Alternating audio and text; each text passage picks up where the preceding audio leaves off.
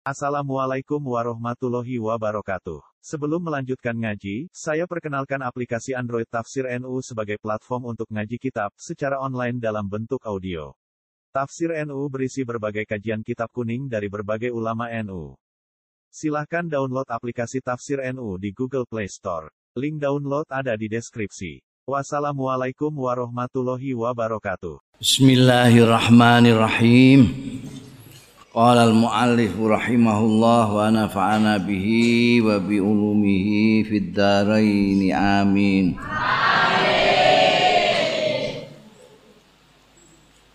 Fa idza ahramal imamu mongko tetkalane wis mulai takbiratul ihram sapa al imamu imam? Bil fardhi kelawan salat fardu mbah zuhur misale. Apa subuh? Fala tastaghil mongko aja ketungkul sira illa bil iqtida'i bihi kejaba anti mengikuti bihi kelawan imam wa sallilan salata sira al fardhu ing salat fardu kama sayutla alaika kaya dene keterangan sayutla kang bakal diwacakno ya malaika ing ngatasé sira fi kaifiyatis sholati ing dalem carane salat wa ada biha lan tata kramane etikane engko ya ikuti imam wis kabiratul ihram merasa macam-macam ya terus mengikuti imam ngono ae. Nah, imam takbir kowe melok. Takbir ngetukno melok sembayang fardu fa idza faraghta mongko tetkalane wis rampung sira fakul moko maca sira Allahumma sholli. Maksudnya rampung sembayang fakul Allahumma Salli ala Muhammadin. Duh Gusti Allah mugi paring selawat panjenengan ala Muhammadin ing atase Kanjeng Nabi Muhammad. Wa ali Muhammadin dan keluargane Nabi Muhammad. Wa sallim lan mugi paring selamat panjenengan. Allahumma duh Gusti Allah antas salam wa minkas salam utahi panjenengan menika assalam zat kang maha damai. Wa mingkalan saking panjenengan assalamu utawi kedamaian kesejahteraan. Wa ilaika lan dateng panjenengan yaudu bali apa assalam kedamaian. Fahayyina mongko mugi panjenengan paringi gesang kula Rabbana duh pangeran kula bisalami kelawan damai. Ndak punya kerusuhan eh, keruwetan hidup damai. Wa adkhilna lan mugi nglebetaken panjenengan ing kita daroka darussalam ing perkampungan panjenengan darussalam inggih panggenan perkampungan damai ning swarga tabarok ta ya dal jalali wal ikram. Maha suci panjenengan ya dal jalali. Duh zat ingkang maha luhur. Wal ikram dalal jalali wal ikram lan maha murah. Subhana rabbi maha suci. Rabbi pangeran kula. Al ali la sing maha luhur tur paling luhur La ilaha illallah. Ora ana pangeran sinembah illallah kejaba Gusti Allah wahdahu halis wijine Allah. La syarika lahu. Ora ana sekutu iku maujud lahu kedue Gusti Allah. Lahu iku kedue Gusti Allah. Al mulku tai kekuasaan kerajaan. Walahu lan iku kagungane Gusti Allah alhamdu. Utahe sekae puji yuhyi paring gesang ya Allah wa yumit lan mateni sapa Allah. Wa huwa utai Gusti Allah dhewe iku hayyun maha gesang layamut mboten pecah ya Allah biadihi iku kelawan astane Gusti Allah al khairu tais kebaikan. Wa huwa utai Gusti Allah ala kulli syai'in ing atase saben-saben suwiji qadirun kuwasa.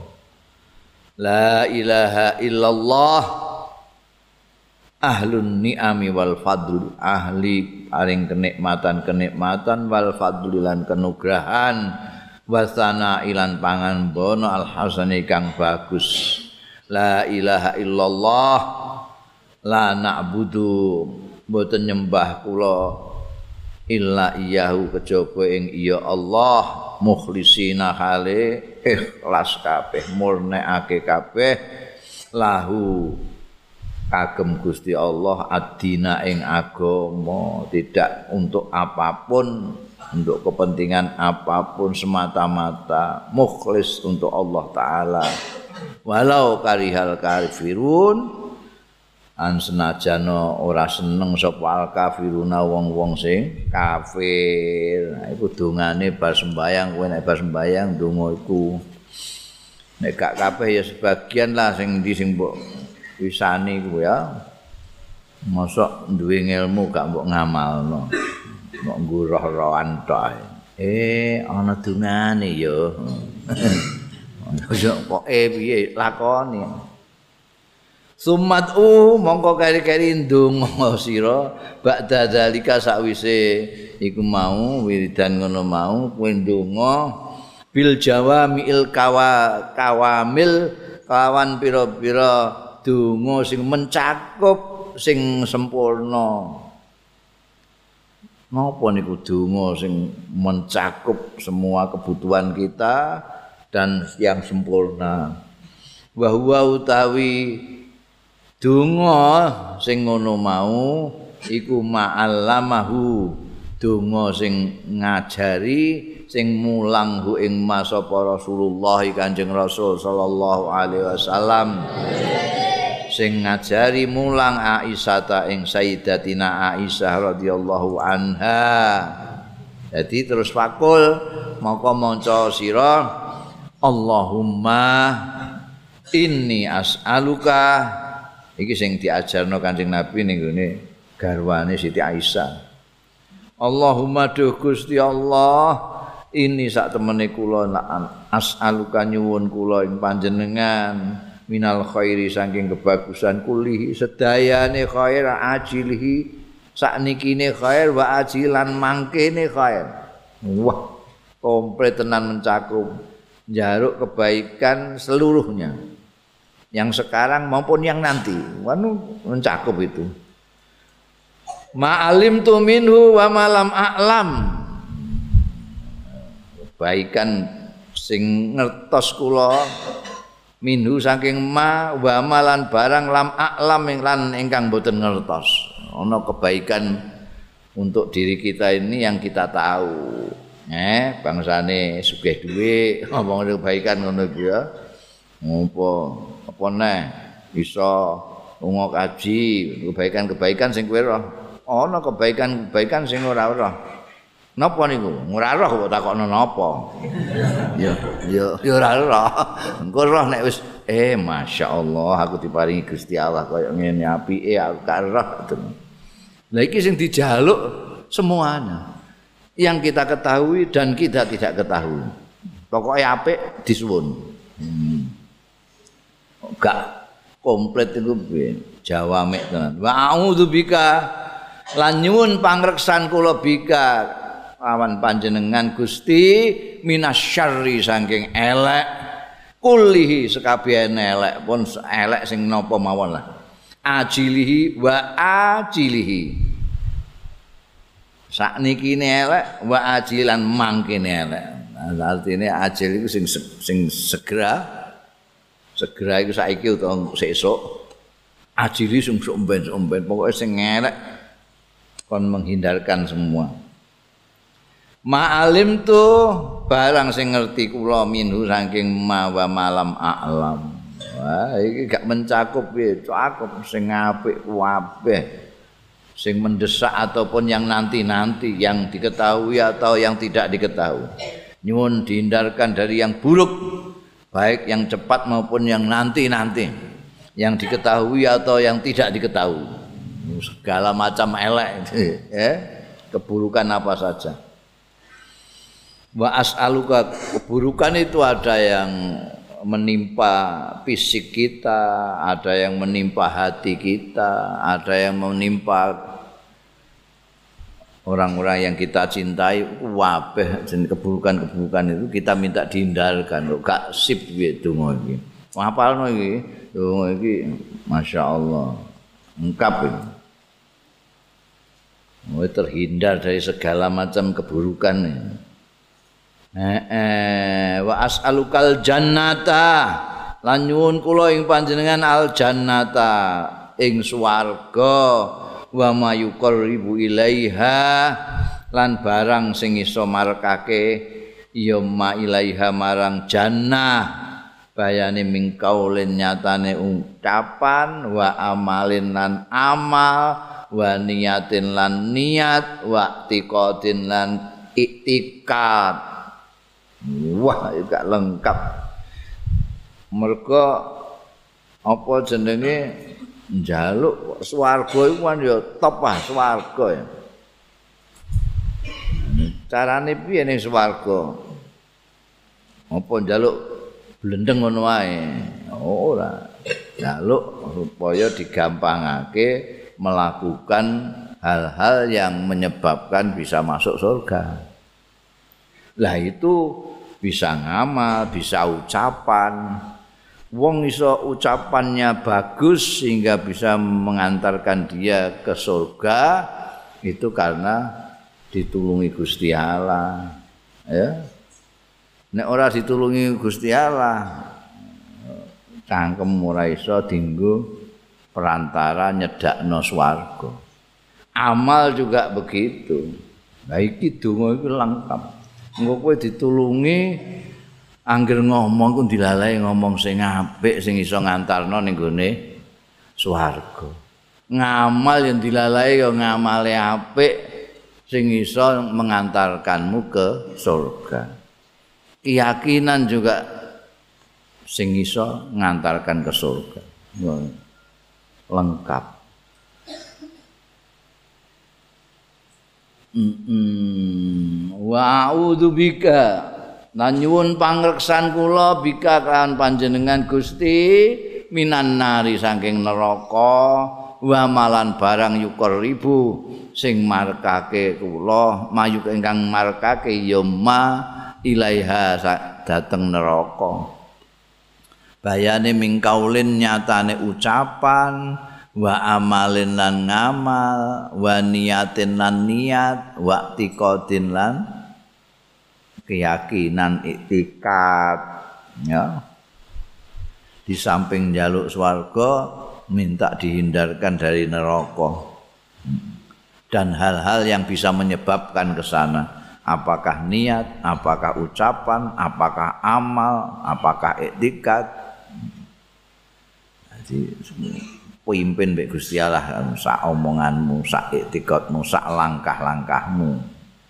Ora nganti menuju ke perbuatan, ucapan, niat sing men mendorong ke neraka. Wa as'aluka minal khair. Oh, gak lengkap iku piye isih ana ngene barang. Wa as'aluka lan nyuwun kula ing panjenengan Gusti. minal khairi sange kebagusan nyuwun ma barang sa'alaka ingkang nyuwun ka ing panjenengan minhu saking khair sapa abduka kawula panjenengan wa rasuluka lan utusan panjenengan Muhammadun sallallahu alaihi wasallam. Wala kek maca iki ae lengkap pisan. Wa a'udzu bika lan nyuwun pangreksa kula bika lan panjenengan min syarri ma saking elake barang ista'adzaka kang nyuwun pangreksan ing panjenengan minhu saking ma saruma sapa abduka kaula panjenengan wa rasuluka lan utusan panjenengan Muhammadun sallallahu alaihi wasallam iku wae wis masyaallah murakabi Jaluk sing apik-apik sing disuwun Kanjeng Nabi. Jaluk dihindarkan dari sesuatu hal yang buruk yang dimintakan oleh Kanjeng Nabi. Ora usah ngapalno dungane Kanjeng Nabi, karek muni ngono ae. Pokoke sing disuwun Kanjeng Nabi kula nyuwun niku Gusti, apa enak. Eh? Wah, iki dungane iki diwarai lho mek Kanjeng Nabi, ora kok karangan Imam Ghazali iki. Diwarai mek Kanjeng Nabi. Jadi kepengen nek kowe ndonga terdesak ndonga kok angel kabeh iki ndonga sing penak piye. Ndonga ngono kuwi. Allahumma inna nas'aluka minal khairi ma sa'alaka minhu abduka rasuluka Muhammadun sallallahu alaihi wasallam. Wa na'udzubika min syarri ma sta'adzaka mihi abduka wa rasuluka Muhammadun sallallahu alaihi wasallam. Wis pokoke apa sing disuwun Kanjeng Nabi? Eh niku kula suwun Gusti. Lengkap. Allahumma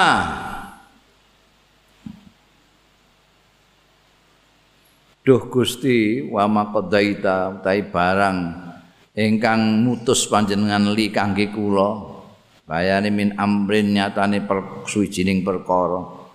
Faj'al mongko ndadosaken panjenengan akibat tau ing akibate amrin. Panjenengan dasawake rasadan ing sae rasdan dadi mohon ningguni Gusti Allah mbah ditakdir apa ae di pasti apa ae dening Gusti Allah iku akhire iku apik ngono eh kowe menawa kena coba kebentuk ana hikmah ngguri niku ya apik.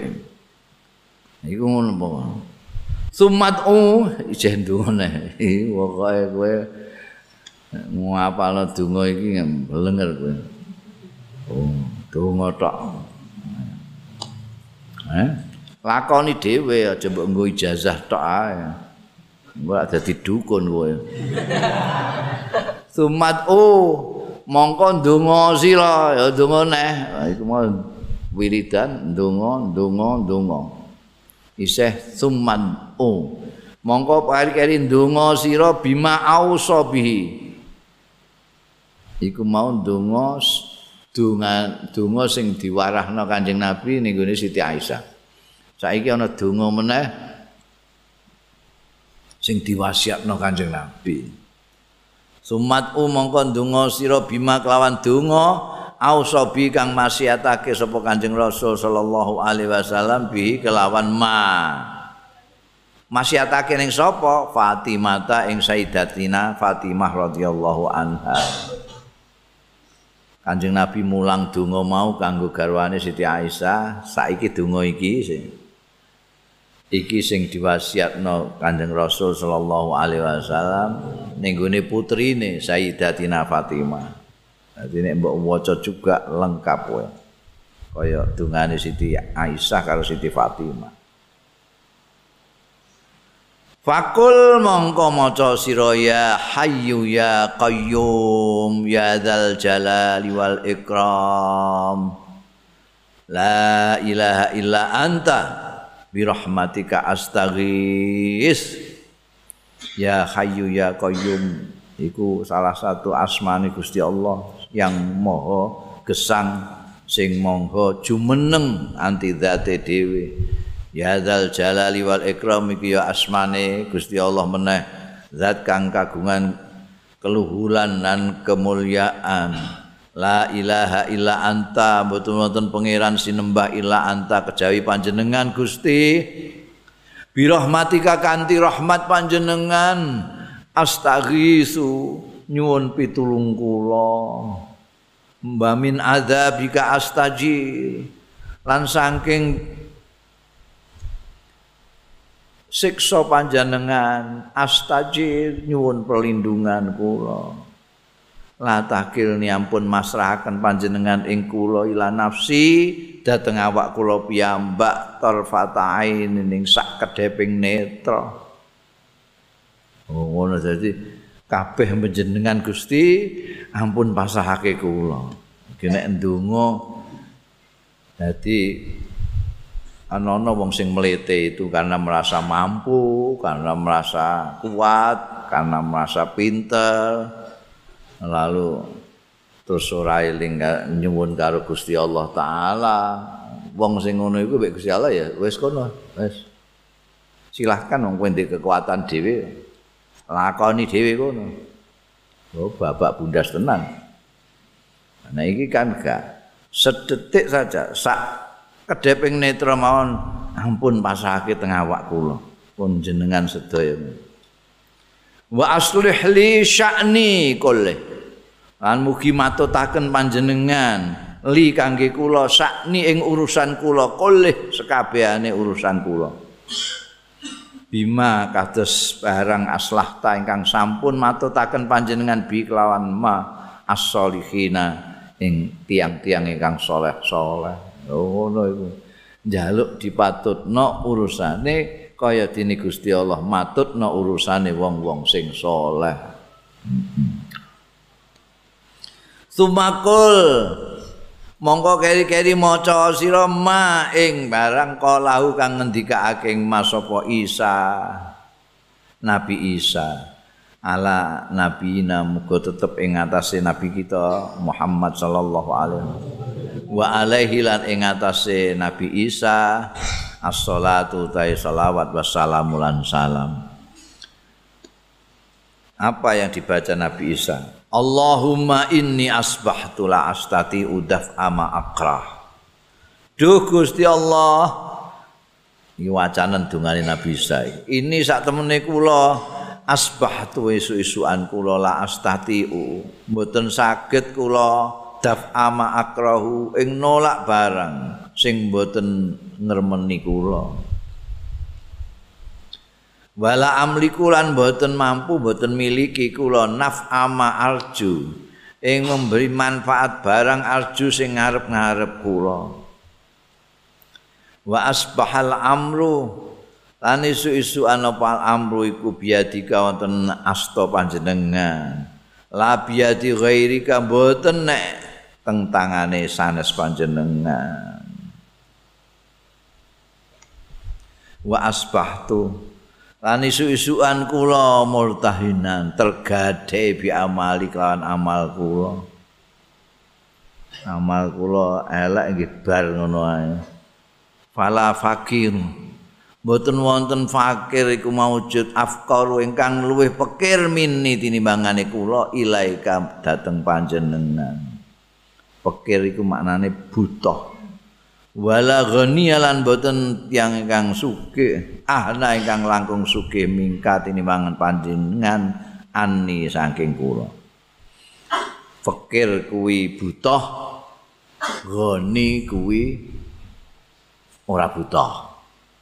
Jadi wong melarat kuwi wong sing buta. Wong sugih kuwi wong sing ora butuh. Nek kowe ra apa-apa tapi ora butuh apa-apa ya sugih kowe. Kowe sugih mblegeduk omam pitu, mobil merolas, bojomu papat. tapi kowe isih korupsi, iku jenenge pekir, ini, pekir melarat, melarate wong ya wong sing isih duwe butuh. Ngono. Nah iki mulane dongane Nabi Isa kula niku boten saged. Nolak sing mboten kula senengi niku saged. Enggak punya daya untuk menolak kalau ada hal-hal yang buruk. Nggih mboten saged. Nekake perkara sing kula harap-harapkan, sing apik-apik sing kula harap para mboten saged. Sedaya teng asta panjenengan, mboten teng kene astane selain panjenengan. Ngono. Mula mboten nonton tiang sing luwih mbutuhake panjenengan ngungkuli kula. Mboten nonton sing paling mboten butuhake kula ngungkuli panjenengan. Jadi belas mboten butuh kali napa-napa. Napa meneh butuh kula. Belas. Jadi Gusti Allah iku Ghaniyun Hamid disebut Ghaniyun Hamid mergo Gusti Allah ndak butuh apa-apa. Paling sugih dhewe Gusti Allah. Gusti Allah goni nahnu fuqara. Kita sing butuh macem-macem butuh iki butuh iko pikir jadi nek kowe kepengin sugih ya iku kowe berusaha ora butuh apa-apa. Jadi gak butuh apa-apa ya sugih kowe. Ora duwe rokok tapi ora butuh ngerokok sugih. Eh, eh, omahe gedong kok. Melok antri bantuan langsung tunai. Ya pancen pikir bapak no. Allahumma la tusammit bi adui. Ampun dadosake nyukurake bi kelawan ingsun apa adui musuh kula. Tasmid itu eh, musuh iku seneng ngono. Nek kowe cilaka iku seneng. Eh syukur rasakno ngene iku tasmin. Nah iki nyumun karo Gusti Allah supaya ora dikonokno karo musuh kula. Bala tasuk berarti dibelani saka musuh. Nek ngantek kedungkelan eh kapokmu kowe. Kewalat to? Oh, dikonok-konokno wala tasuk bisa diki wala tajal lan ampun ngelekaken panjenengan bi sebab kula sadikie kanca kula. Musuh kula ampun sampean dadosaken tiyang sing nyukur-nyukurake kula. Sederek-sederek kula kanca kula ampun panjenengan dadosaken tiyang ingkang kena akibat elek kumula wala taj'al musibati fi dini lan mugi mboten dadosaken panjenengan musibati ing musibah kula fidini ing dalem agama kula. Ya iki mulane kuwi aja gawene dolanan agama mbok urusan donya. Engko nek kena musibah ning gone agama mungkin naudzubillah min dzalik. Dungane la tajal musibati fidini. Nek musibah-musibah kesandung-sandung sithik enggak apa-apa lah. Anu kebentuk-kebentuk gak apa-apa. Tapi nek terus kejeglong ning urusan agama iki musibah gede. Gede. Wala cat ali dunya lan ampun dadosaken panjenengan adunya ing dunya ampun panjenengan dadosaken akbar hami ing luweh gedhe-gedhene pikiran kula cita-cita kula long dunya kok didadekno cita-cita yang tertinggi yang terbesar. Kita njaluk berlindung mbek Gusti Allah. Nek ora njaluk berlindung mbek Gusti Allah engko terus kowe iku sing mbok pikir sing paling gedhe iku soal dunya omah gedhe mobil kinclong-kinclong. Wah mereke Mercedes bangsa ngono-ngono kowe bojone wayu hmm. eh? Moblong-moblong. Jadi cita-cita nek ora yo ngurus kepengin dadi anggota DPR oh enak aja ya Allah.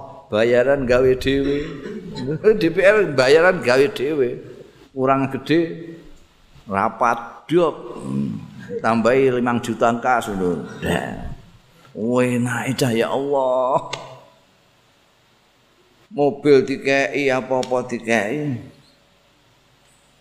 Sidang untuk tunjangan sidang. Dolan untuk tunjangan dolan. Masya Allah. Ngobrol untuk tunjangan ngobrol. Masya Allah. Ya Allah Gusti. Mugi panjang datasakan kula anggota DPR. Nambut gawe mau limang tahun pensiunnya seumur hidup. Masya Allah, nikmate. Padahal penggawe ini manggil jeplak ngono wae. Iku dunya. Aja ngantek pikiran tertinggimu itu soal dunya. Ya, no. Mulane ndonga, ndonga la taj'alid dunya akbar hammi. No. Jadi akhirat wae sing mbok nggo ya Allah Gusti, mugi-mugi kula mangke kempal kalian tiang-tiang ingkang saleh Gusti. Ale Kanjeng Nabi ngono iku sing gedhe iku ning akhirat. Dunya ora sambok cita-citakno sanggeng glundung ra wis. Eh, glundung. Hmm. Kandhani kok ora ngandel kowe. Soal dunya ora usah cita-citakno macem-macem. Kulo pengen dadi pilot. Kepengin dadi apa ngono ya Allah. Glundung ae. Hmm. Biyen aku ning gone SR ditakoki cita-citamu apa mboten gadah. Diamuk kongkon duwe cita-cita ngono. Gak kebayang cita-cita iku apa. Bujute ya dadi wong ini. Hah? Dadi wong. Wit apa sing ora iku? Perkara donya teko dhewe, ora tau tak cita-citakno. dadi anggota DPR tahu, MPR tahu, hmm, piye kowe? Num apa numpak pesawat sing paling apik. Kelas sing paling diundang Saudi Arabia numpak pesawat mak wong enem ning gone dhuwur dhewe. Si Andi iki kiwa tengen dikai pakanan karek mungan mangan. Nek gak enak karek kondo. Wis tahu apa. keliling Eropa Timur Tengah saulan berdedet tanpa membayar sak sen ya tahu. Ora tahu tak cita-citakno. Ora tahu, ora tahu. Saulan berdedet. Ngelencer karo bojo. Ora bayar blas. Ngantek nyekel tas saya ora tahu. Ana sing nyekelno tas dhewe. mlebu warung ora usah ngetokno dompet wis ana sing bayari dhewe. Mlebu toko karek milih apa sing mbok senengi wis ana sing bayar dhewe. ora tau tak cita-citakno. Teko dhewe. Wis kandhani ya ora ngantuk. Aja ngantuk duwe cita-cita besar sing bangsa donya. Jan iki dungane masyaallah. Wala taj'al adunya akbar hammi nek kowe duwe keinginan yang besar keinginan sing bangsa kekal nanti di akhirat saja wala mablagha ilmi lan ora puncak daripada ilmu pengetahuanku. Wong kok ngertine mok donya tok iku? Gusti ampun dadosaken kula tiyang ingkang ngertose mok donya tok. Wis gak tau mikir liyane donya. Janji diubukno di iku duwe pira? Oh iku ana anune apa gak? Ana honore apa gak? Lho apa-apa ngertine donya tok ae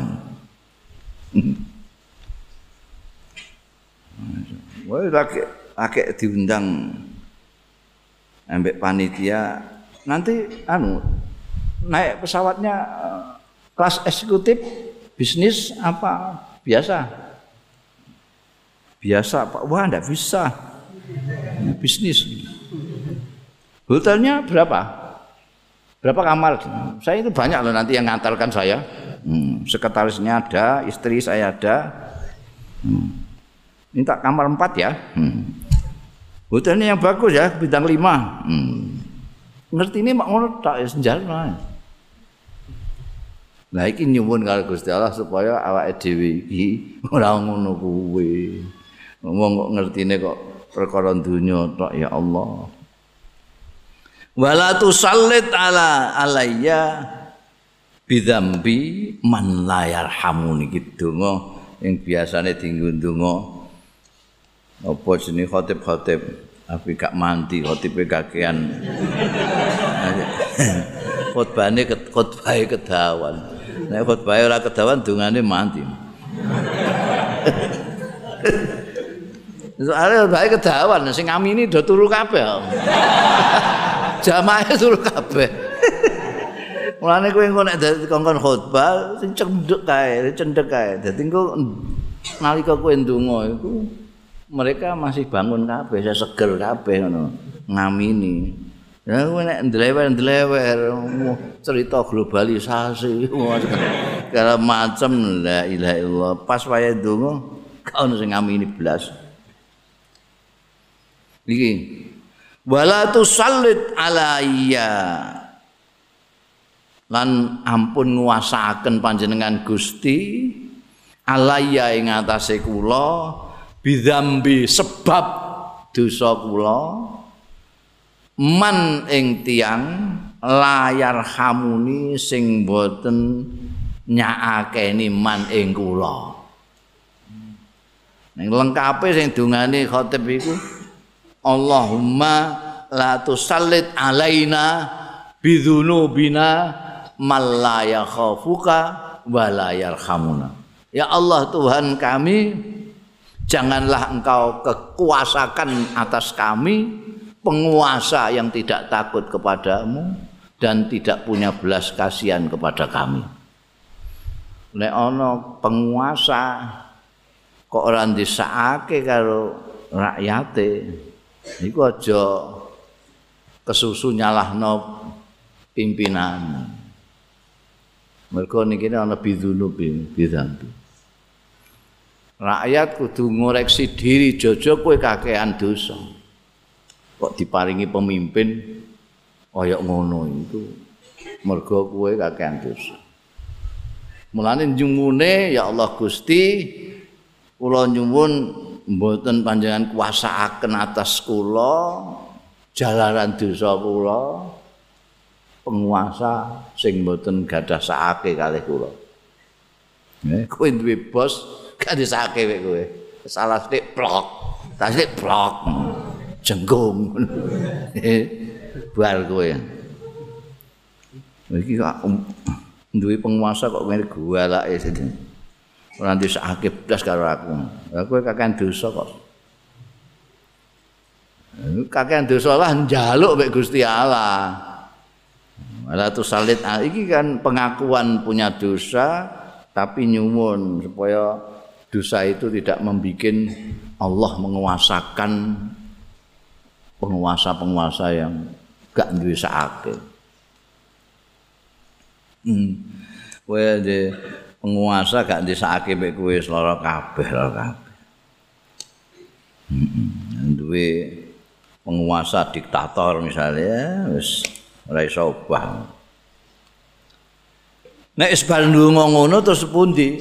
Sumat ndonga nah. La ilaha illallah ndonga tok. Ya Allah iki Imam Ghazali lagi murah-murah iki. Ndonga terus ae.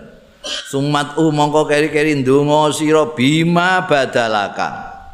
Lawan barang kang pertelo laka kedue sira minat dawat minat da'awati saking donga-donga al-masyhurati sing masyhur-masyhur.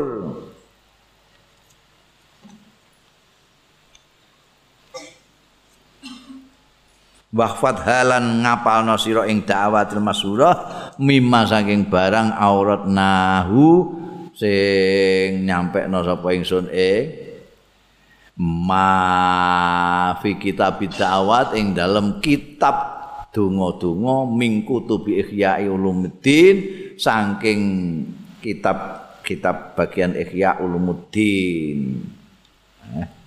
Eh, wis donga dungane Siti Aisyah warane Kanjeng Nabi.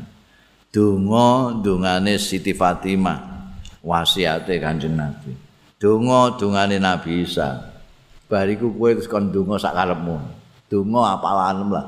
Sing mbok senengi apa kepengin donga. Tapi donga-donga sing masyhur iku.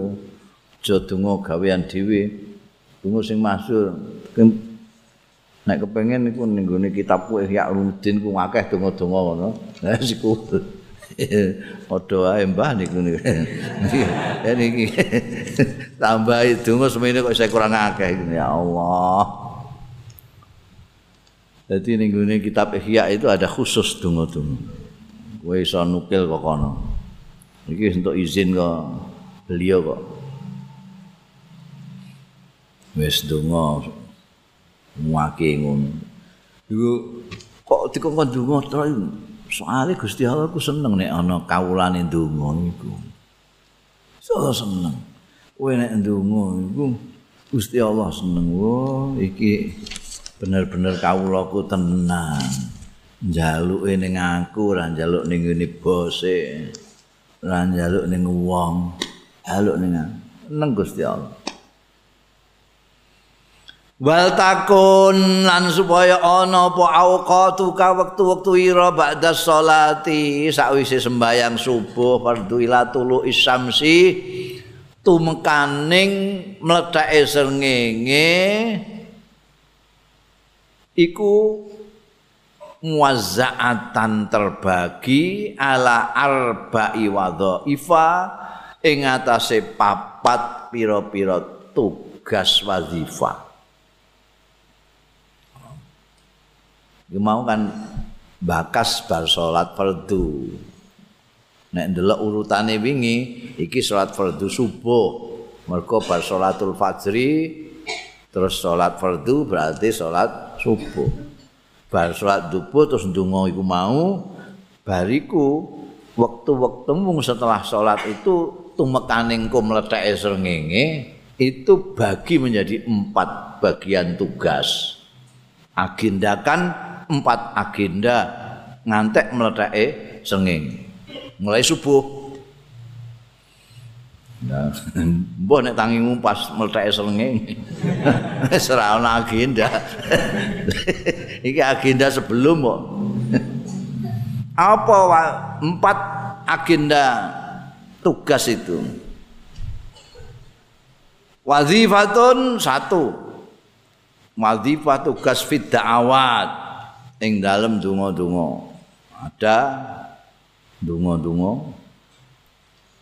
Wa wazifatun lan wazifah fil azkari wa tasbihat.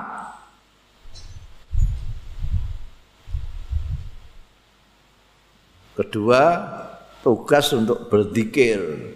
Wa tasbihat lan maca tasbih tasbih subhanallah bihamdi subhanallahil azim subhanallah wa tukarriruha fi misbah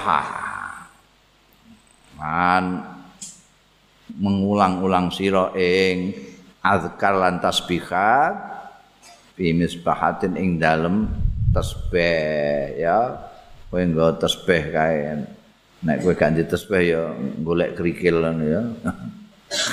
Krikil kok 100 ngono Subhanallah, subhanallah, subhanallah. Tapi ku primitif iku. Saiki akeh sing dodol tesbeh tesbeh. Anu, anu. Heeh. Tapi bid'ah iku. Ambien gak ono. Iki. Iku mau nggo anu bantu awake dhewe maca tasbih, maca zikir. Itu yang kedua. Yang ketiga wa wazifatun fi qiraatil Qur'an. Wazifah membaca Quran.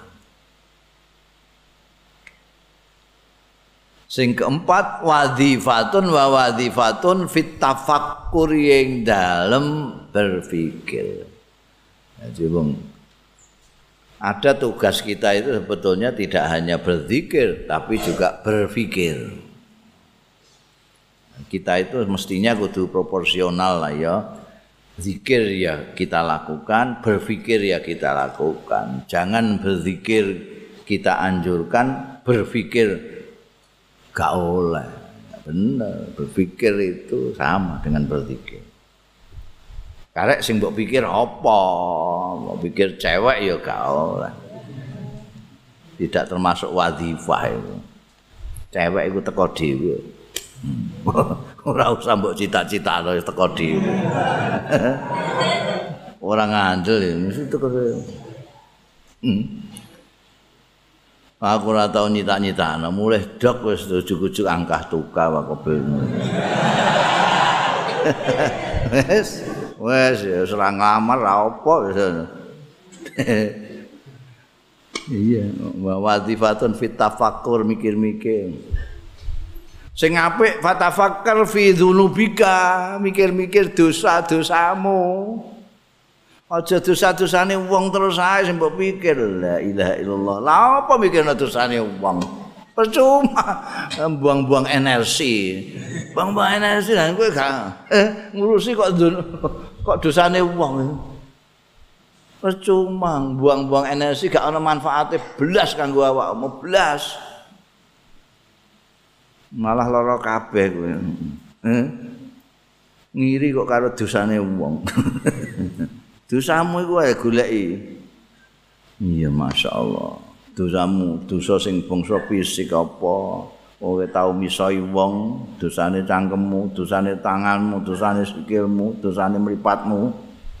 Hmm? mripat sedina mbok mendeliki wong terus nganti mripate nganti mondol kaya mata rajungan. Eling-eling ya Allah iya ya aku tak merem aku nek ning merem aku cangkem. Dosaku cangkem itu. Sik-sik misoh nek gak misoh ngrasani wong. Tangan jempolan jengkolan dinggo. Utik-utik HP dinggo mitnah wong rono rene nggo ngeser. Hah? nggo ngeser omongan-omongan sing wak dosa-dosa pikir pikir. Iki engko nek dadi mala piye? Ketoke kok sederhana ngene karek cerat-cerat karek kopi paste. Lah kok ning kono terus didudoi rekamanku ngono kuwi. Ning kono-kono screenshot. Tuh, kilo. WA-mu. Kilo statusmu buar kowe. Ya Allah. wa khataya kalan kesalahan-kesalahanmu wa taksiri kalan pepeko pepeko itu tidak melakukan sesuatu atau melakukan kurang sempurna sesuatu yang seharusnya kamu lakukan. Taksir eh? on sembahyang subuh wayahe pajar mletake pacar mbok lakoni mletake srengenge. Iku taksir jeneng fi ibadati maulaka ing dalem. Ngibadah nyembah pangeranmu. Wa ta'arudika lan anggone madhep sira mapakno awakmu liqabihil alim marang siksane maulaka al alim sing banget larane wa suhtihilan bendune maulaka al azim sing gedhe Allah. Ngene iki gak padha karo mapakno awak ning gone siksane Gusti Allah. Wani-wanine ya awakku kok nglakoni hal-hal sing dilarang Gusti Allah. Wong dawe utusane Gusti Allah sallallahu alaihi wasallam iku al muslimu man salimal muslimuna min lisanihi. Pitrute wong Islam sing tenanan wong Islam. Sing wong iso slamet saka cangkem iki cangkemku men nglarani wong Islam terus ae. Hmm. iki engko aku ndang padha karo utuk marani sunduk aku. Wa turattibu awqataka lan nyusuna sira awqataka ing wektu-wektu ira bitadbirika kelawan ngatur ira auradaka ing wirid-wirid ira. Wingi wis tak kandakno wirid kuwi sesuatu amalan-amalan, kaulan al-amalan. apa itu merupakan zikir apa maca Quran yang rutin pada pada saat-saat tertentu. Bar maghrib maca Quran. Setiap bar maghrib terus maca Quran. Itu jenenge wirid bar maghrib. Bar sembahyang maca subhanallah alhamdulillah wala ilaha illallah Allah akbar. Wirid nek mbok lakoni terus apa? Nah iki diatur. diatur ditertibke waktu-waktumu. Wirid-wirid itu jam semene iki jam pas subuh maca surat muluk. Malam Jumat maca surat Kahfi, surat Yasin, iku diatur. Fi jami'i yaumika ing dalam sepakabehane harimu. Jadi ada jadwal agenda. Jadwal agenda kok isine kok mau ngeluyur, ngeluyur dan ngeluyur. Jam sekian ngeluyur, jam sekian nonton TV, jam sekian WA-an, jam sekian Facebookan, jam sekian. Nah iki piye? Terus sing kanggo akhiratmu ngopo? Gawe to harian itu. Jam sekian ini jam litu dari bihi supaya kowe iso nututi bihi kanti iki mau tertipe harimu ini.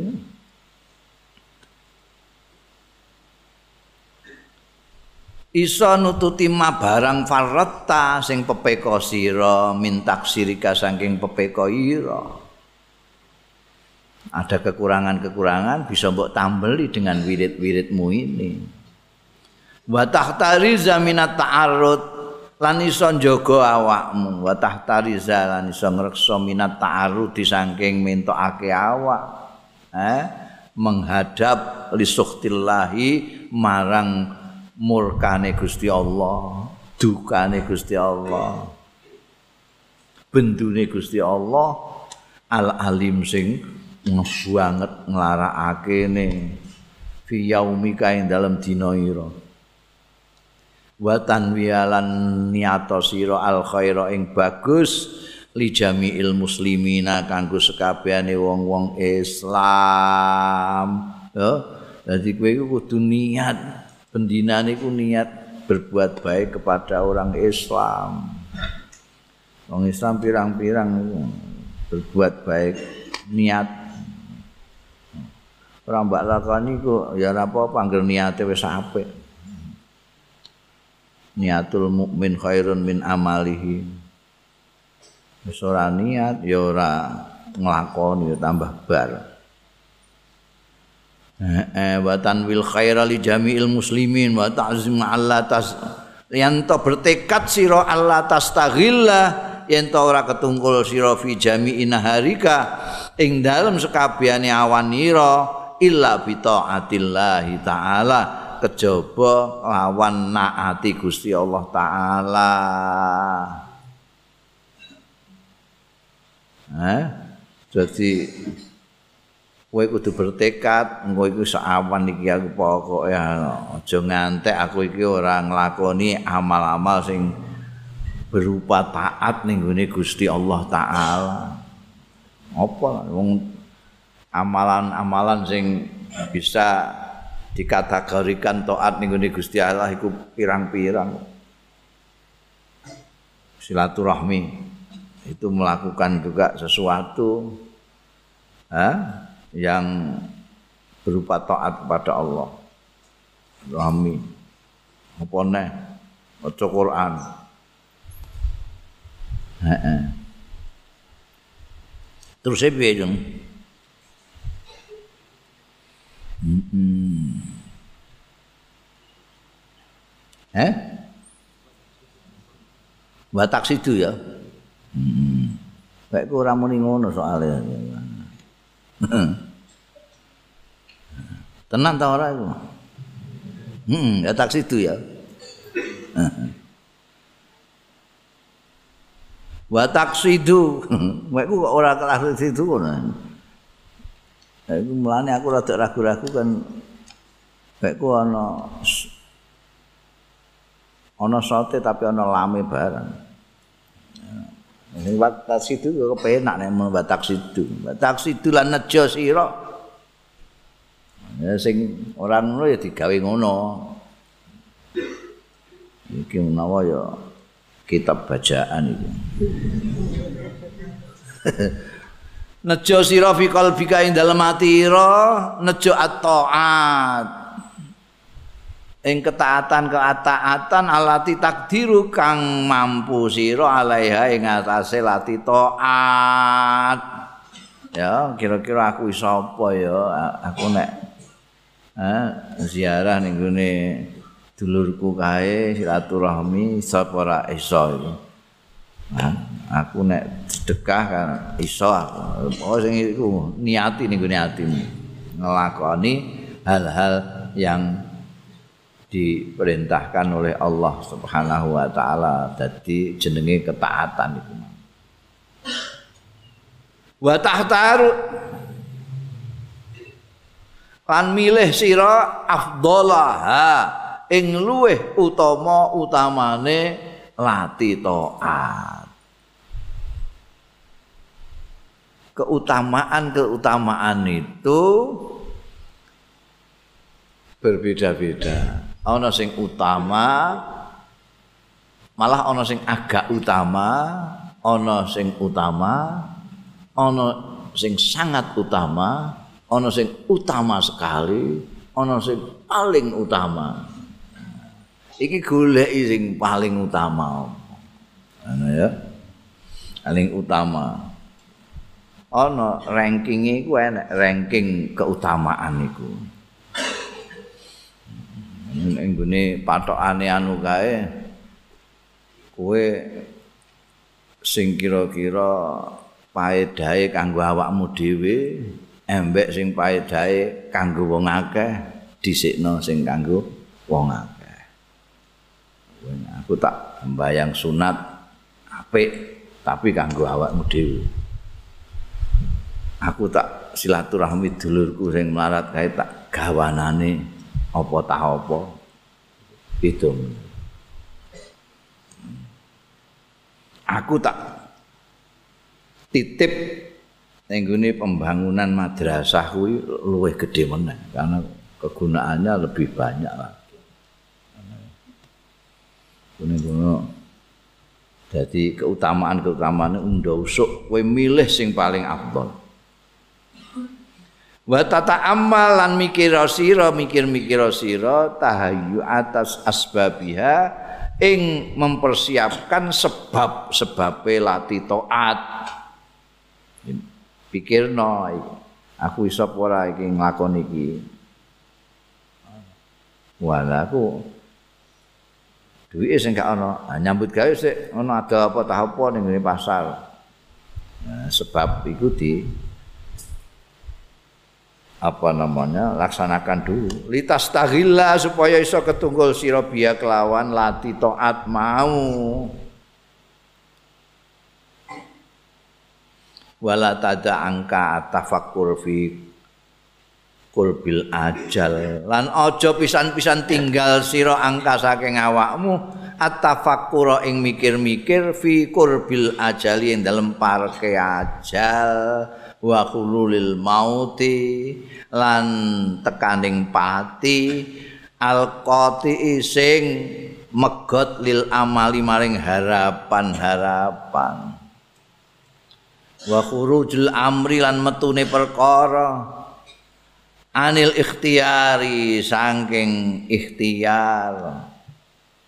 Wa khusulil hasrati lan kasile kekecewaan wan nadamati lan getun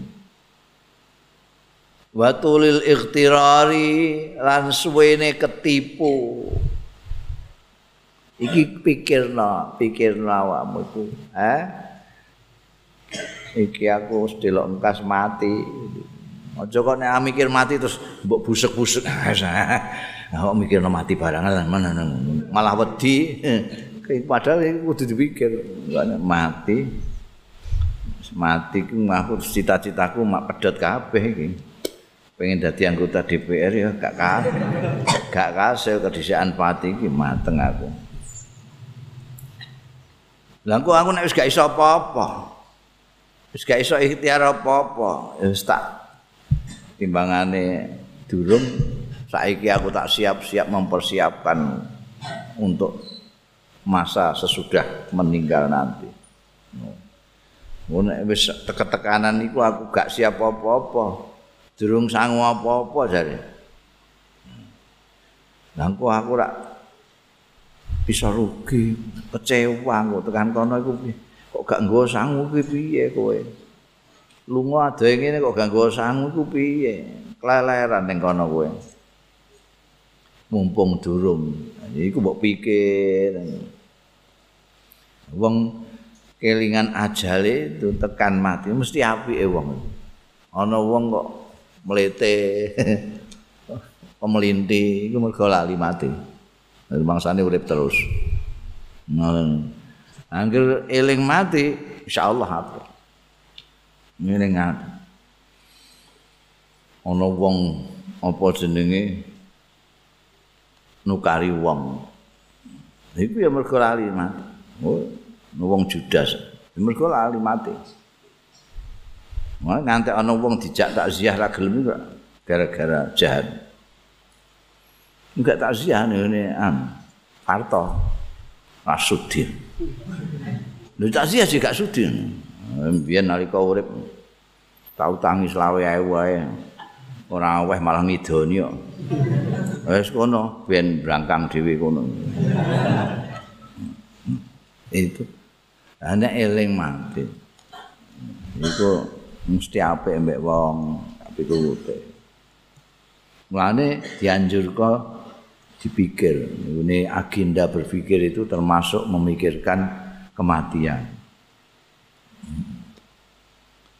Mulane wong tua-tua mbiyen nganakno pacara mentradisikan khaul iku padahal iku bid'ah apik mergo iku ngelingno ati. Wong khaul iku peringatan kematian.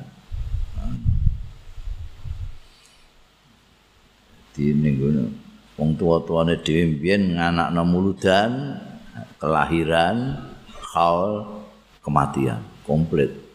Muludan bareng karo khaul iku wis peringatan seumur hidup itu.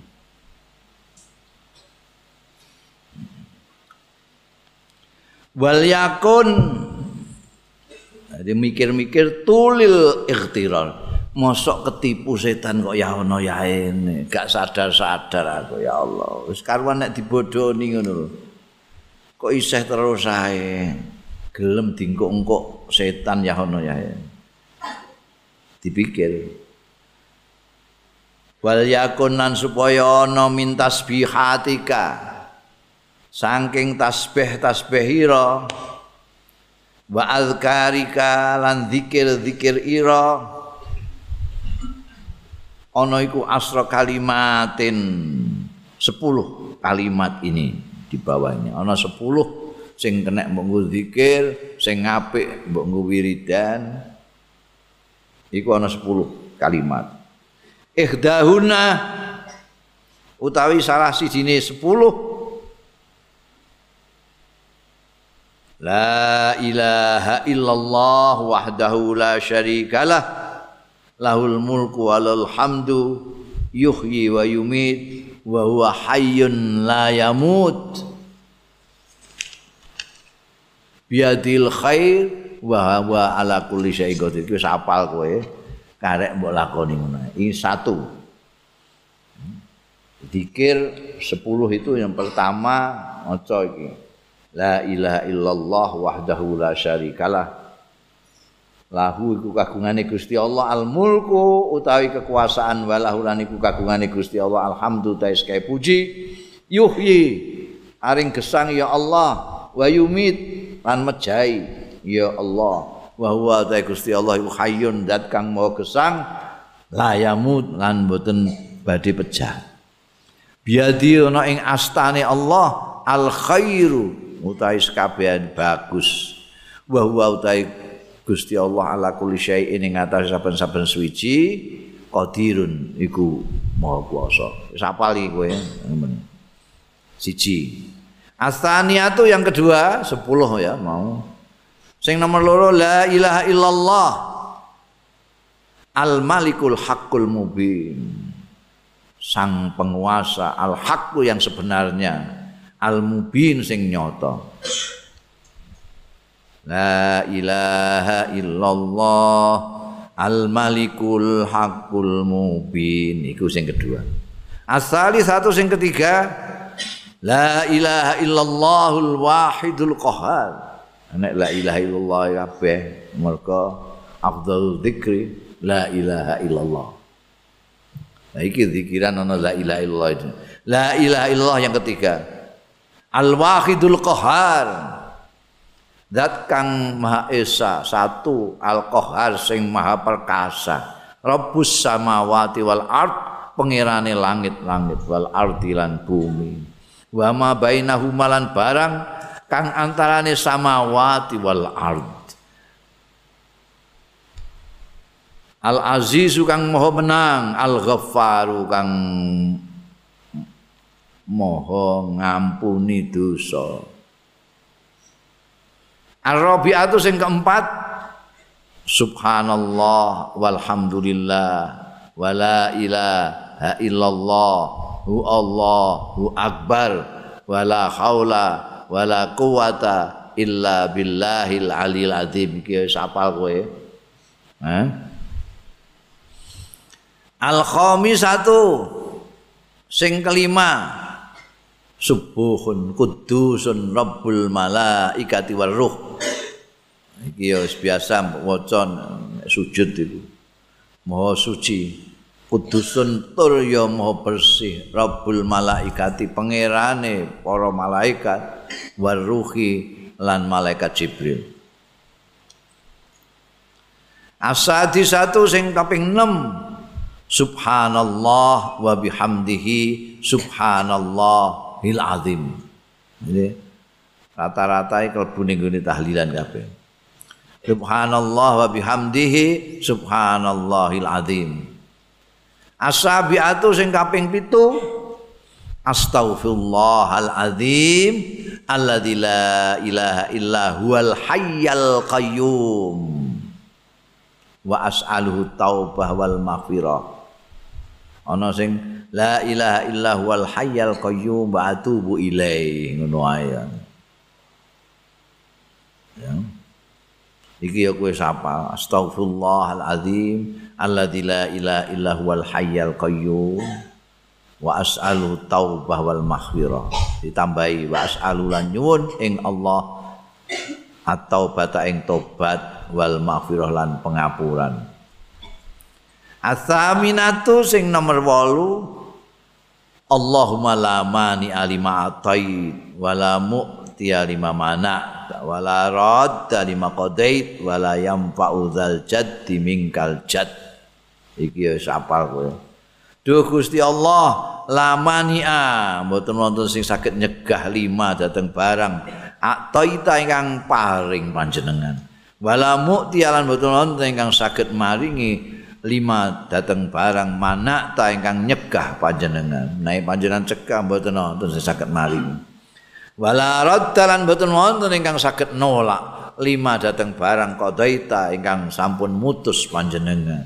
Wala yang faulan mboten manfaati dal jati ing tiang ingkang nggadai kegiatan mingka saking panjenengan apa aljadu kegiatan? Kekuatannya sapa ae ora iso manfaati ndekne tanpa Gusti Allah taala. Atasiatu sing ke-9 Allahumma salli ala Muhammadin wa ala ali Muhammadin wa sahbihi wa sallim. Selawat. Allahumma salli ala Muhammadin wa ala ali Muhammadin wa sahbihi wa sallim Al-Asirah yang terakhir yang ke-10 Bismillahilladzi la yadurru ma'asmihi syai'un fil ardi wala fis sama wa huwas samiul alim. Kanthi asmani Gusti Allah alladzi la yadurru kang ora melarati ma'asmihi sartane asmani Gusti Allah apa syai'un suwi-wiji fil ardi ing dalem bumi wala fis sama ilan ora ing dalem langit wa huwa utai ladzi Allah iku as-samiul alim zat kang maha midanget al alim ketur kang maha mudaneni maha pirsa hmm. akeh-akeh iki wis apal kabeh kowe cuma iki macane iki lho sing kudu mbok perhatekno tukal riru bulan baleni sira kula wahidatin masing-masing siji min hadil kalimatil saking iki iki kalimat sing 10 iki. Imami atamarrah eh? Masing-masing iku ping 100 100 ya. Mulai sing pertama mau. Eh la ilaha illallah wahdahu la syarikalah lahul mulku walhamdu wa yumit. Oh ping 10 eh ping 100 eh mi'ata marrah. Nanti sing nomor 10 iki. Bismillahirrahmanirrahim. Ma'asmi syai'un fil ardi wala bis sama wa samiul alim. Ping 100 tuh kalian eh. Nek ora ya au sabina lah nek nyang sabina 70 marotan saya kaken. Asra marat wis 10 kakean 10 100 kakean 70 70 kakean 10 wis. Bahwa kok tesih katahan? Wa wa ta'i 10 iku akaluhu iku sing paling sithik. Nek ora ya kowe berarti ora niat kowe iku. 10 sing mbok njang. Tapi ana sing apa? Iki ra dosis tinggi pancen Imam Ghazali kan dosis tinggi. Ana sing generik ya ana. Sing generik ora dosis tinggi iku ping telu ping telu iku ya ana sing ngenyang ping telu. Nek Imam Ghazali minimal ping 10. Syukur ping 100. Iki ana sing apa ndawuhi ping 3. Tapi diwaca esuk sore. Bar subuh waca misale Bismillahirrahmanirrahim fil ardi wal sama. Bismillahirrahmanirrahim fil ardi wal sama. Bismillahirrahmanirrahim fil ardi wal sama. Bar oh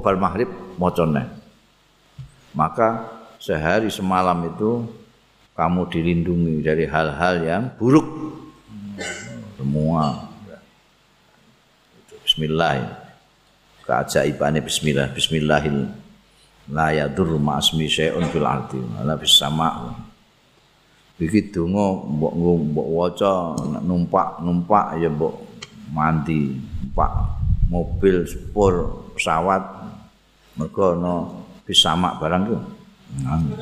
Berarti selamat tiga. Minimal tiga. Nek sing ora dosis tinggi.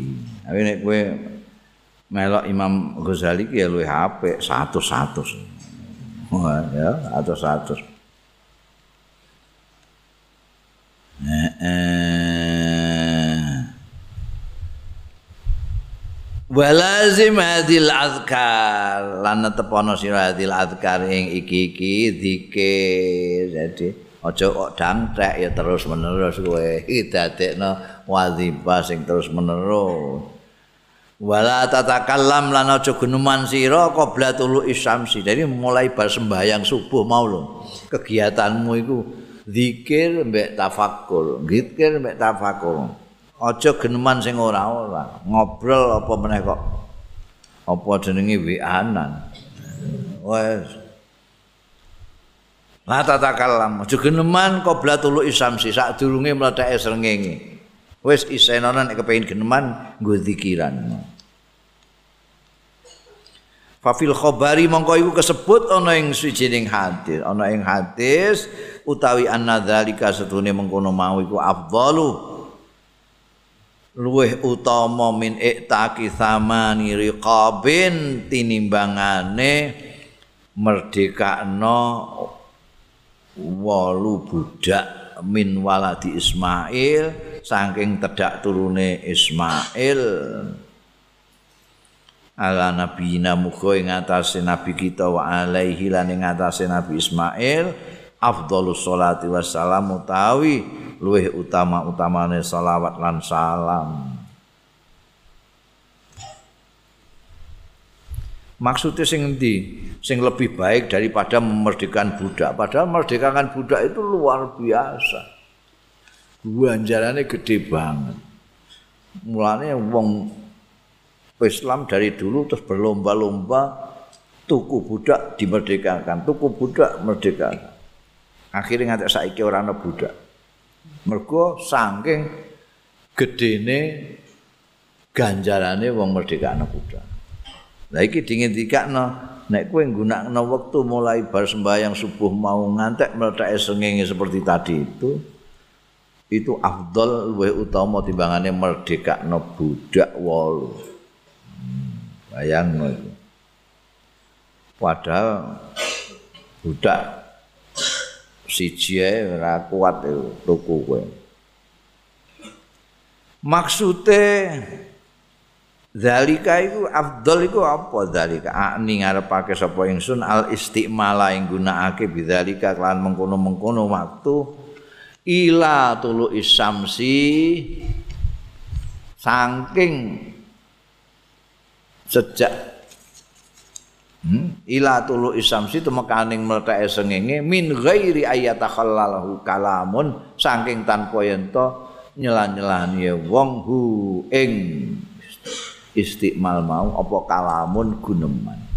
Jadi sejak bar sembahyang subuh ngantek meledak sengenge tidak bicara sama sekali kecuali zikir sampai tafakur.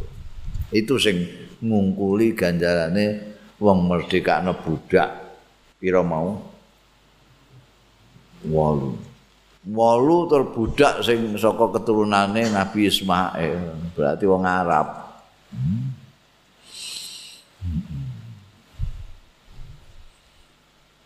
Bundel adabu ma ba'da tulu'i syamsi ila zawal. Etikane sakwise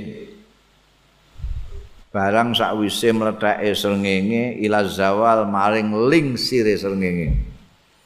Nek mau subuh pajar ngantek mledake srengenge saiki mulai mledake srengenge ngantek beduk ngantek zawal. Fa idza tala'atis syamsu monggo tatkalane mlethek apa asyamsu srengenge. Wartafaat lan munggah ya srengenge qadra rumkin seukur satu tombak. Delok kok wis sak tombak dhuwure mok srengenge mau. Fasolli monggo sembayang sira rakaat ing rong rakaat. Wadzalika utai qadra rumkin mau iku inda zawali waktil karoha nalikane wis ilange wektu kemekruhan li salati marang sembayang. Bab kowe salat bar subuh tit gak oleh, makruh. Ngantek kapan? Ngantek srengenge sak penawok istilahnya wong Jawa, sak tombak dulu. Itu baru hilang karohai. Begitu hilang kemekruhane kowe mulai salat rong rakaat. Fa innaha makruha mim ba'di faridati subhi. Fa innaha mongko stune salat sing waktal karoha iku makruhatun den makruhake mim ba'di faridati subhi saking sakwise nglakoni salat faridatus subhi salat fardu subuh. Ilartifai sampai mundake senging fa idza adhan nahar mongko tekalane wis manjing duha apa annahur annaharu awan? Wa madolan lewat ya naha minhu saking nahar apa qaribun parek?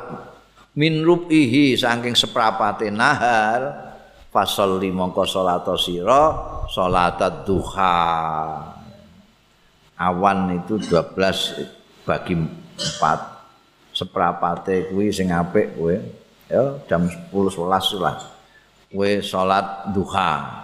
Pinten rakaat arbaan patang rakaat ausitan utawa 6 au samanian utawa 8 ya. Papat 6 utawa 8 masna masna. Loro-loro aja sekaligus. Rong rakaat rong rakaat papat. Rong rakaat rong rakaat rong rakaat 6 rong rakaat, rong rakaat, rong rakaat, rong rakaat, wolu.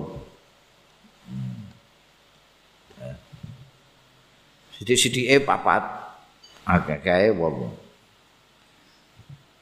Fakat nukilat hadil a'dad. Mongko teman-teman dinukil apa iki jumlah papat, enam, wolu, loro-loro.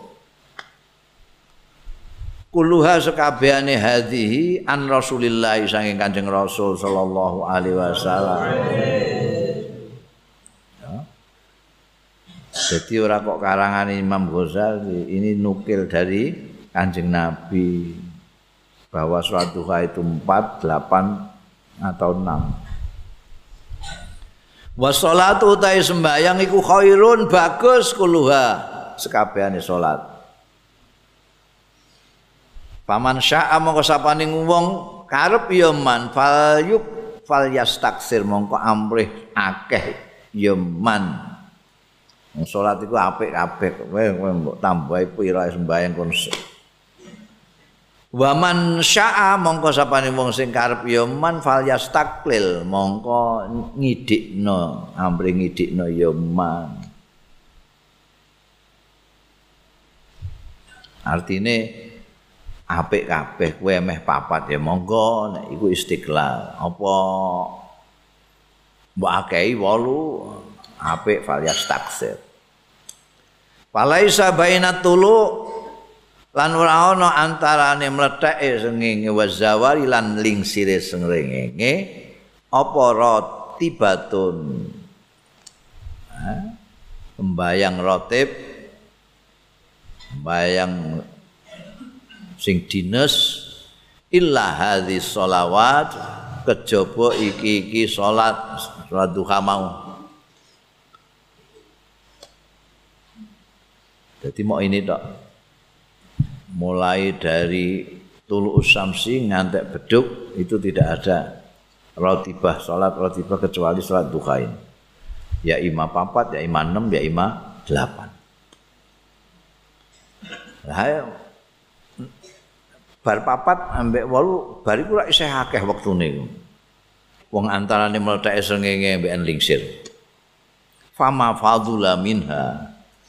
Mongko utahe barang fadula sing punjul minha saking iki hadis sholawat min auqatika saking wektu-wektu ira falaka fihi mongko iku kedue sira fihi ing dalem mafadula arba'u halatin utai papat pira-pira tingkah.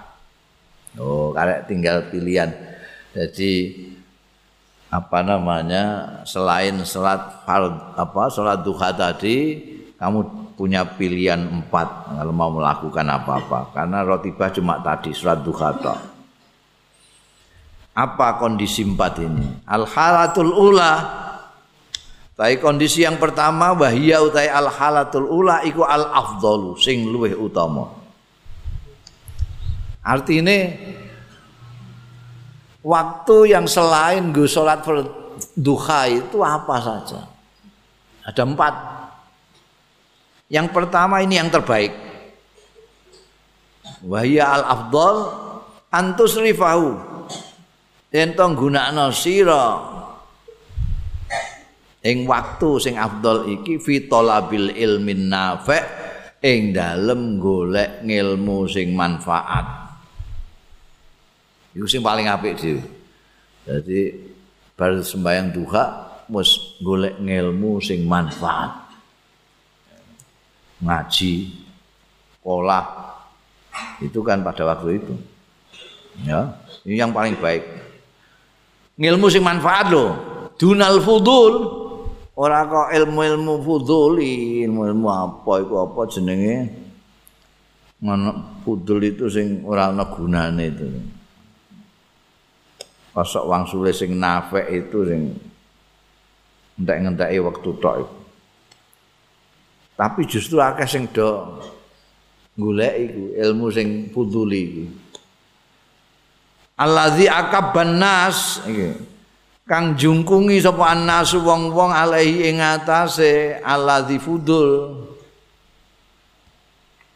Wa sammahu lan ngarani ya nas hu ing ladzi ngarani ilman ing ilmu. Jadi kowe nggo waktu yang baik itu untuk gunakan cari ilmu yang manfaat. Oke, selain itu nah selain itu apa Ya iku sing dijungkungi wong-wong pirang-pirang darani ilmu. Padahal ana manfaate kok diarani ilmu. Lah ilmu sing manfaat niku sing sepundi? Wal ilmu nafi utawi ilmu sing manfaat iku mab ngilmu yazidu sing nambah ya ma fi khaufika ing dalem wedira minallahi taala saing Gusti Allah taala wa yazidu lan nambah ya ma fi basiratika ing dalem peningal batinira bi uyu bi nafsiya kelawan cacat-catate awak dhewe ira. Wa yazidu lan nambahi ya ma ilmu fi ma'rifatika ing dalem pengetahuan ira bi ibadati rabbika kelawan ibadah pangeran ira wa yuqallil wa yuqallilu lan ngidhikake ngurangi min ruhbatika saking seneng ira fit dunya ing dalem dunya. Wa yazidu lan nambahi ya ma ilmu fi ruhbatika ing dalem kepengin nira fil akhirati ing dalem akhirat wa yaftahu lan buka ya ma ilmu bis basirataka ing peningal batin nira bi afati amalika kelawan penyakit-penyakit amal-amal ira. Hatta tahta riza sehingga iso ngrekso awakmu sira minha saking afatu amalika wa yutalli wa yutalli akalan duduhake ing sira alamakai di syaitan ing ngatasé tipu daya tipu dayaning setan. Wa ghururihi lan tipuane setan.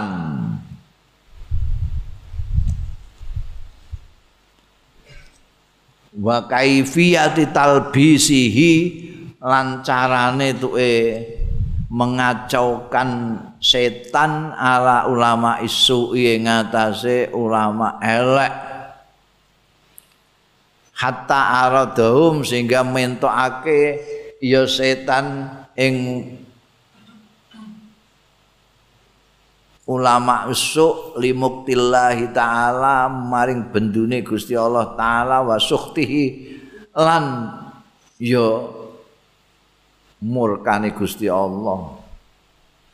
Haitsu istarau di mana adol ya ulama usuk adunya ing donya bidini kelawan agama. Wa takhadzulan padha gawe ya ulama usu al ilma ing ilmu digawe dzariatan sebagai sarana wa wasilatan lan yo sarana ila akhdi amwali salatin kanggo amek banda-bandane. Salatin sultan-sultan penguasa-penguasa. Wa akli amwalil auqafi lan mangan bondo-bondo wakaf wal yatama bondo-bondone wong yatim wal masakini lan wong-wong miskin. Biyen wis ana ngene niku ya wasarafu himatahum lan ngarahake ya ulama usuk himmat. Himmatahum ing cita-citane ulama usuk tulana harim sepanjang dinane ulama asuk ila talabil jahi marang golek pangkat wal manzalati kedudukan fi qulubil khalqi dalem atine manusa wattarahum lan memaksa ya setan ing ulama usuk. La memaksa ing ulama usuk apa dalika mengkono mau? Ila muraati maring pamer wal mumarati lan bantah-bantahan wal munaqasati lan debat-debatan fil kalami ing dalem omongan wal mubahat lan guguan Wajah memang Ghazali kualas banget ini ya. Berarti Kowe kongkon ngisi yang pertama itu ngisi al halatul ula untuk mencari ilmu yang manfaat. Ilmu yang manfaat itu menurut Imam Al Ghazali ilmu yang membuat kamu semakin takut kepada Allah, semakin takwa kepada Allah. nek ngelmu kok ndadekno kowe lali Gusti Allah isih ora sambok golek iku. Ngilmu sing iso ndadekno kowe lebih takwa niku Gusti Allah. Ngilmu manfaat kuwi ngilmu sing nambahi peninggal batinmu tentang cacat-cacate awakmu dhewe. Nek ngilmu ndadekno kowe terus pinter golek cacat-cacate wong. Iku waliane ilmu manfaat. Ilmu manfaat itu ilmu yang membuat kamu lebih cemerlang pandangan hatimu untuk melihat cacat-cacatmu sendiri. Supaya kowe tawaduk supaya kowe ora gumedhe karo liyan. Ngono ya. Ilmu sing manfaat ilmu sing nambahi kowe ngerti bagaimana menyembah pangeranmu. Sing ndadekno kowe ora pati gumun mbek donya. Marakno kowe demen untuk akhirat kepenak ning gone akhirat. Ngilmu sing manfaat ngilmu sing iso merohake awakmu tentang perilakune setan. Tipu dayane setan was-was setan. Tipuan-tipuane setan. Sampai kowe ngerti bedakno antarane wong yang berilmu sungguhan dan orang yang berilmu disebut ulama usul lama usuk.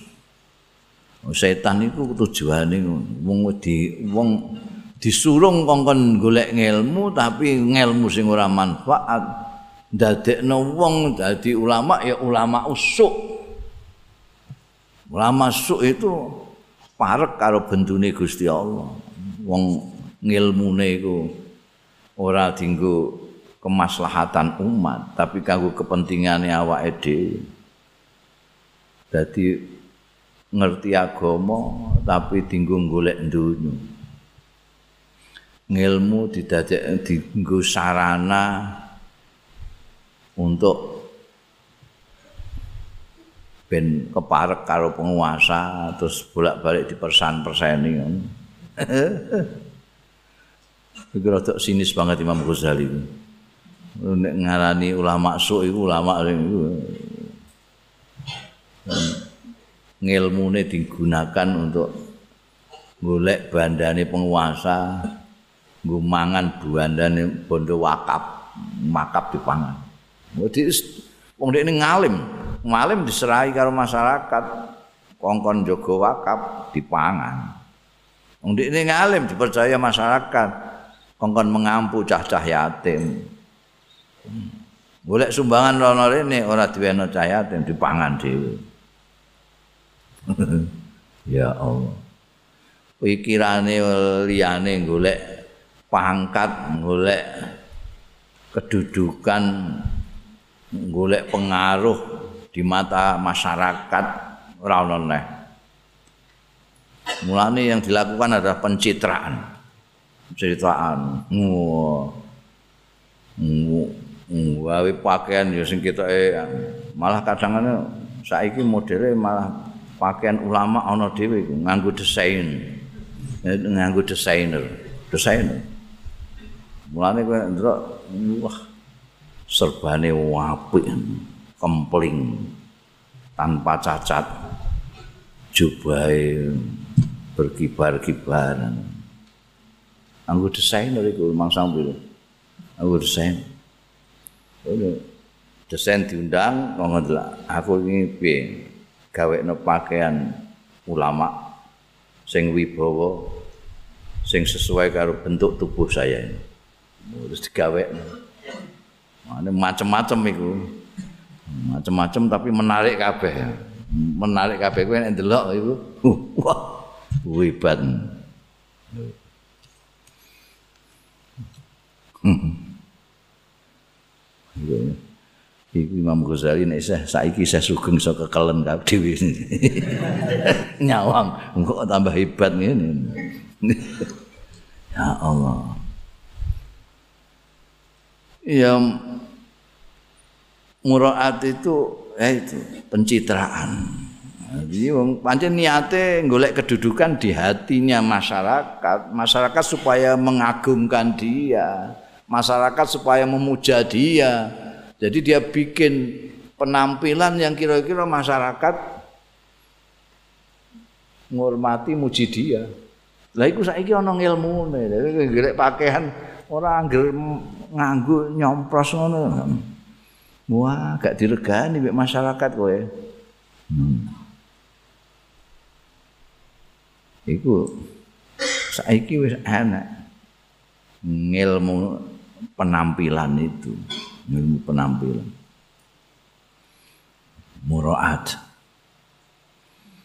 Wah terus bantahan? Wah senengane bantahan. Ana wong ketoke kok duwe pendapat wis mapan diikuti wong liya bantah itu gak bener itu. Dalile kurang sahih.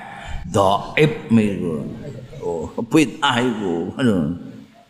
Wah bantah-bantahan wong tambah kagum. Pintere ngono jan jenom kok pintere ngono iso mbantai wong tuwa.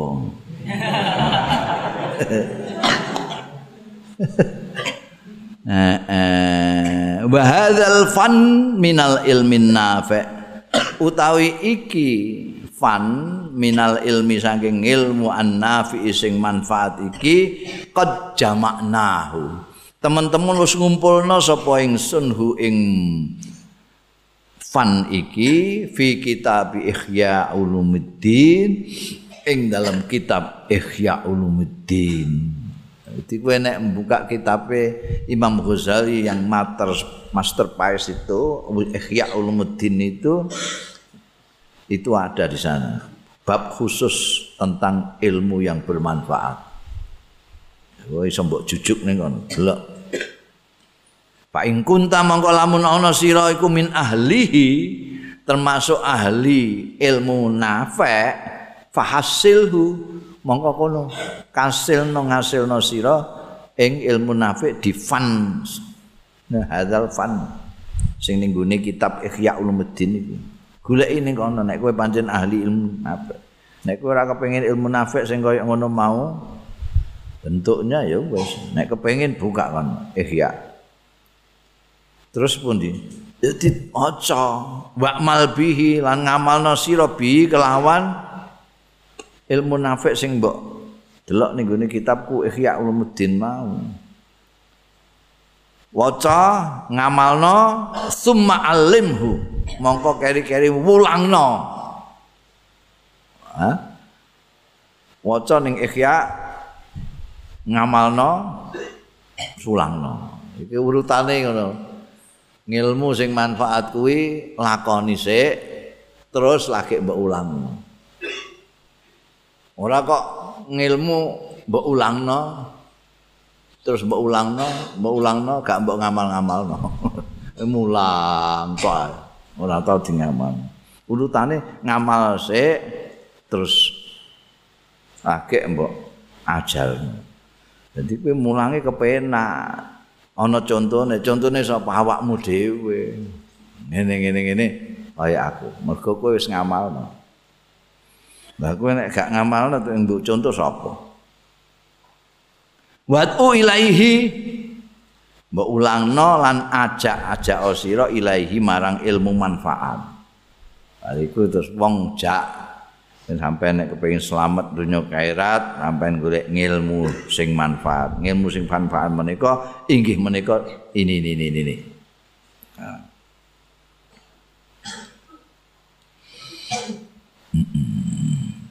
Faman alima dalika mongko sapaning wong sing ngerti ya man. Zalika yang mengkono-mengkono ilmu sing manfaat mau. Summa amila bih mongko keri-keri ngamalno ya wong mau. Bihi kelawan zalik ilmu mau. Summa da'a ilaihi. Mongko ajak-ajak sapa man ilaihi marang zalika ning ilmu manfaat mau. Fadzalika mongko utawi wong mau iku yud'a dijuluki aziman orang yang agung. Fi malakutis samawati ing dalem perjajahan langit-langit. Bisa hadati Isa alaihissalam kanti persaksiane Nabi Isa alaihissalam mereka apa jenenge? Sayyidina Isa alaihissalam Nabi Isa alaihissalam itu ngendikake ngono.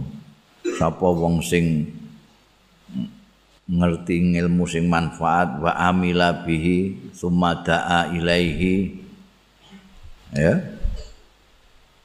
Padalika yud'a aziman fi malakutis samawat dawe Nabi Isa. Jadi kowe nek gelem ngono ya sesuai dengan persaksian Nabi Isa kamu akan dianggap orang besar fi malakutis samawat kalangan malaikat-malaikat itu. Kan ning dunya nek dunya biasane mulk ora malakut. Mulkil ardi wa malakutis samawat. Fa idza faraghta min dzalik mongko tatkalane wis rampung sira min dzalika saking mengkono-mengkono. Halah al ulama oleh ilmu wa talan wis rampung sira min islahi nafsika saking matutake awakmu zahiran ing dalem lahire wa batinan lan batine. Mbok golek ilmu, mbok ngaji, mbok nganu segala macam zikiran wiridan kok isih wa fadula syai'un? Isih punjul apa syai'un setitik min auqatika saking waktu-waktu ira fala baksa mongko ora apa-apa. Antas taghilla ing yen ketungkul sira bi ilmil madhab tinggu anu ilmu madhab iku apa ora penting gak kuwi engko nek duwe wektu turah wae kowe ngaji peke fi ilmil madhabi ngilmu madhab aliran fil fikih dalam pekeh li ta'rifa supaya ngerti sira bi kelawan ilmu madhab ngerti al furu'a ing cabang-cabange agama an-nadirati sing langka fil ibadati ing dalam pira-pira ibadah. Wa tariqat tawassuti lan cara tengah-tengah bainal khalqi nengan-nengai antarane manusa fil khusumati ing dalem pertentangan-pertentangan. Indang kibabihim nalikane ketungkule njungkunge wong-wong al-khalqu rujuke ning al-khalqu. Imam Ghazali nek ngendika al-khalqu tegese manusa. Mergo makhluk sing paling utama itu manusa. Alas syahawati ngatasé keinginan-keinginan Padhalika mongko utahe mengkono mau iku aidon halimane iku indal faragh nalikane wis rampung min hadhil muhimmati saking iki-iki kepentingan min jumlati furudil kifayati termasuk jumlahe fardu-fardu kifayah. Ya. Dadi nek wis wis mbok lakoni kabeh mau sing dianjurkan Imam Ghazali mau kok isih ana punjul waktu. Antarane mertekan mau bar salat subuh ngantek mertek ngantek mertek sengenge ngantek tekan lingsire sengenge iku ya enggak apa-apa kalau kamu gunakan untuk belajar fikih belajar mazhab ben kowe ngerti lah cabang-cabangnya agama. Ben ana gegeran iki kunut iki ora kunut kowe ngerti iso bedakno iki sing bener endi jalan tengahnya kayak apa supaya mereka tidak tukaran perkara sing cabang-cabang kayak ngono kuwi. Itu tujuannya belajar madhab-madhab di dalam fikih. Orang kok tinggu bantah-bantah enggak. Mm -mm. ini kabeh fardu kifayah. Fa in da'atka nafsuka mongko lamun narik ing sira apa nafsu ka ira ila tarki madzakarnahu kok kowe duwe krentek? Ah ora usah nglakoni Ida da'at ka nafsuka ila tarki madzakarnahu maling tinggal barang. Zakarnahu sing wis nutur sapa panjenengan ingsun ing ma minal aurati nyatane wirid-wirid mau wal azkari lan zikir-zikir mau. Istighalan bidzalika krana. Em ketungkul bidzalika kelan mengkono-mengkono ngilmu mazhab lan fikih mau. Iku mbok tinggalno kabeh wis anggur tanggung ngaji fikih ae kowe nek ngono atimu kok ngejak ngono. Fa'lam mongko ngerti sira. Anna syaitan astuhune setan allaina sing kurang ajar. Iku kok dasa fi qalbika. Tengen-temen mus nyelusupno ya setan fikol bika ing dalem ati ira. Ada adafina ing penyakit sing sing terpendam. Kowe gak ketok tapi penyakit. Kowe terus mempelajari mazhab iki mazhab iki. Ben iso mbok nggo apa jenenge? Mbok nggo bantahan karo wong ngadepi wong sing alirane Syafi'i kowe terus nganggo mazhab Imam Malik. Nek ana wong nggunakno mazhab Imam Malik terus kowe ngundakno Imam Hanafi. Wah mbok ngilmu ngono iku. Kok kowe kepengin ngono? Mangantek kowe ninggalno. Dikiran donga wiridan sing diajarno Imam Ghazali. Iku berarti kowe lagi di garap mek setan kowe. Garap mek setan. Ana penyakit terpendam yang mau diselusupkan setan di dalam dirimu. Apa itu? Da'ud dafin. Bahwa utai da'ud dafin itu hubbul jah. Demen pangkat kedudukan wal malan bondo. Mbok kowe nek pinter ngono iso bantahan terus apa-apa jae. Ini pengen mulak engko terus diangkat jadi kepala apa ta apa? Jadi ketua apa apa apa ngono to. Ben dianggap kiai dugdeng iku hujah jenenge.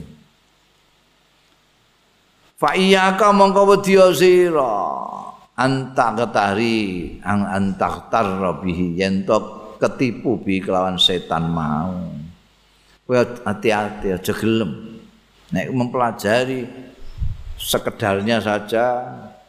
Oke mazhab supaya kamu tahu dan bisa nenganangai nek ana wong gegeran baiklah tapi kok sampai seperti yang digendaki setan supaya kowe iso bantah iso mbok golek kedudukan di mata orang wah bar pataku namung kono sira ana iku doh katan dinggo guyon dinggo geguyon li syaitani marang setan. Embek setan digeguyu. Wayuh liku kamangka fatakuna doh katan li syaitan wayuh liku.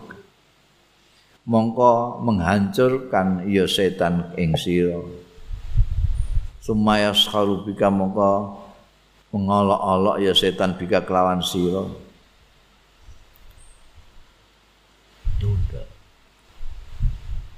Bundel fa in jarabta lamun jajal sira nafsaka ing awak ira muddatan ing dalam satu mangsa fil aurati ing dalam wirid-wirid mau wal ibadah lan ibadah-ibadah lakanat. Yakti ana apa nafsuka iku? La tas taskiluha ora nganggep abot ya nafsuka ha ing aurat lan ibadat kasalan krana aras-arasen anha saking aurat wal ibadat.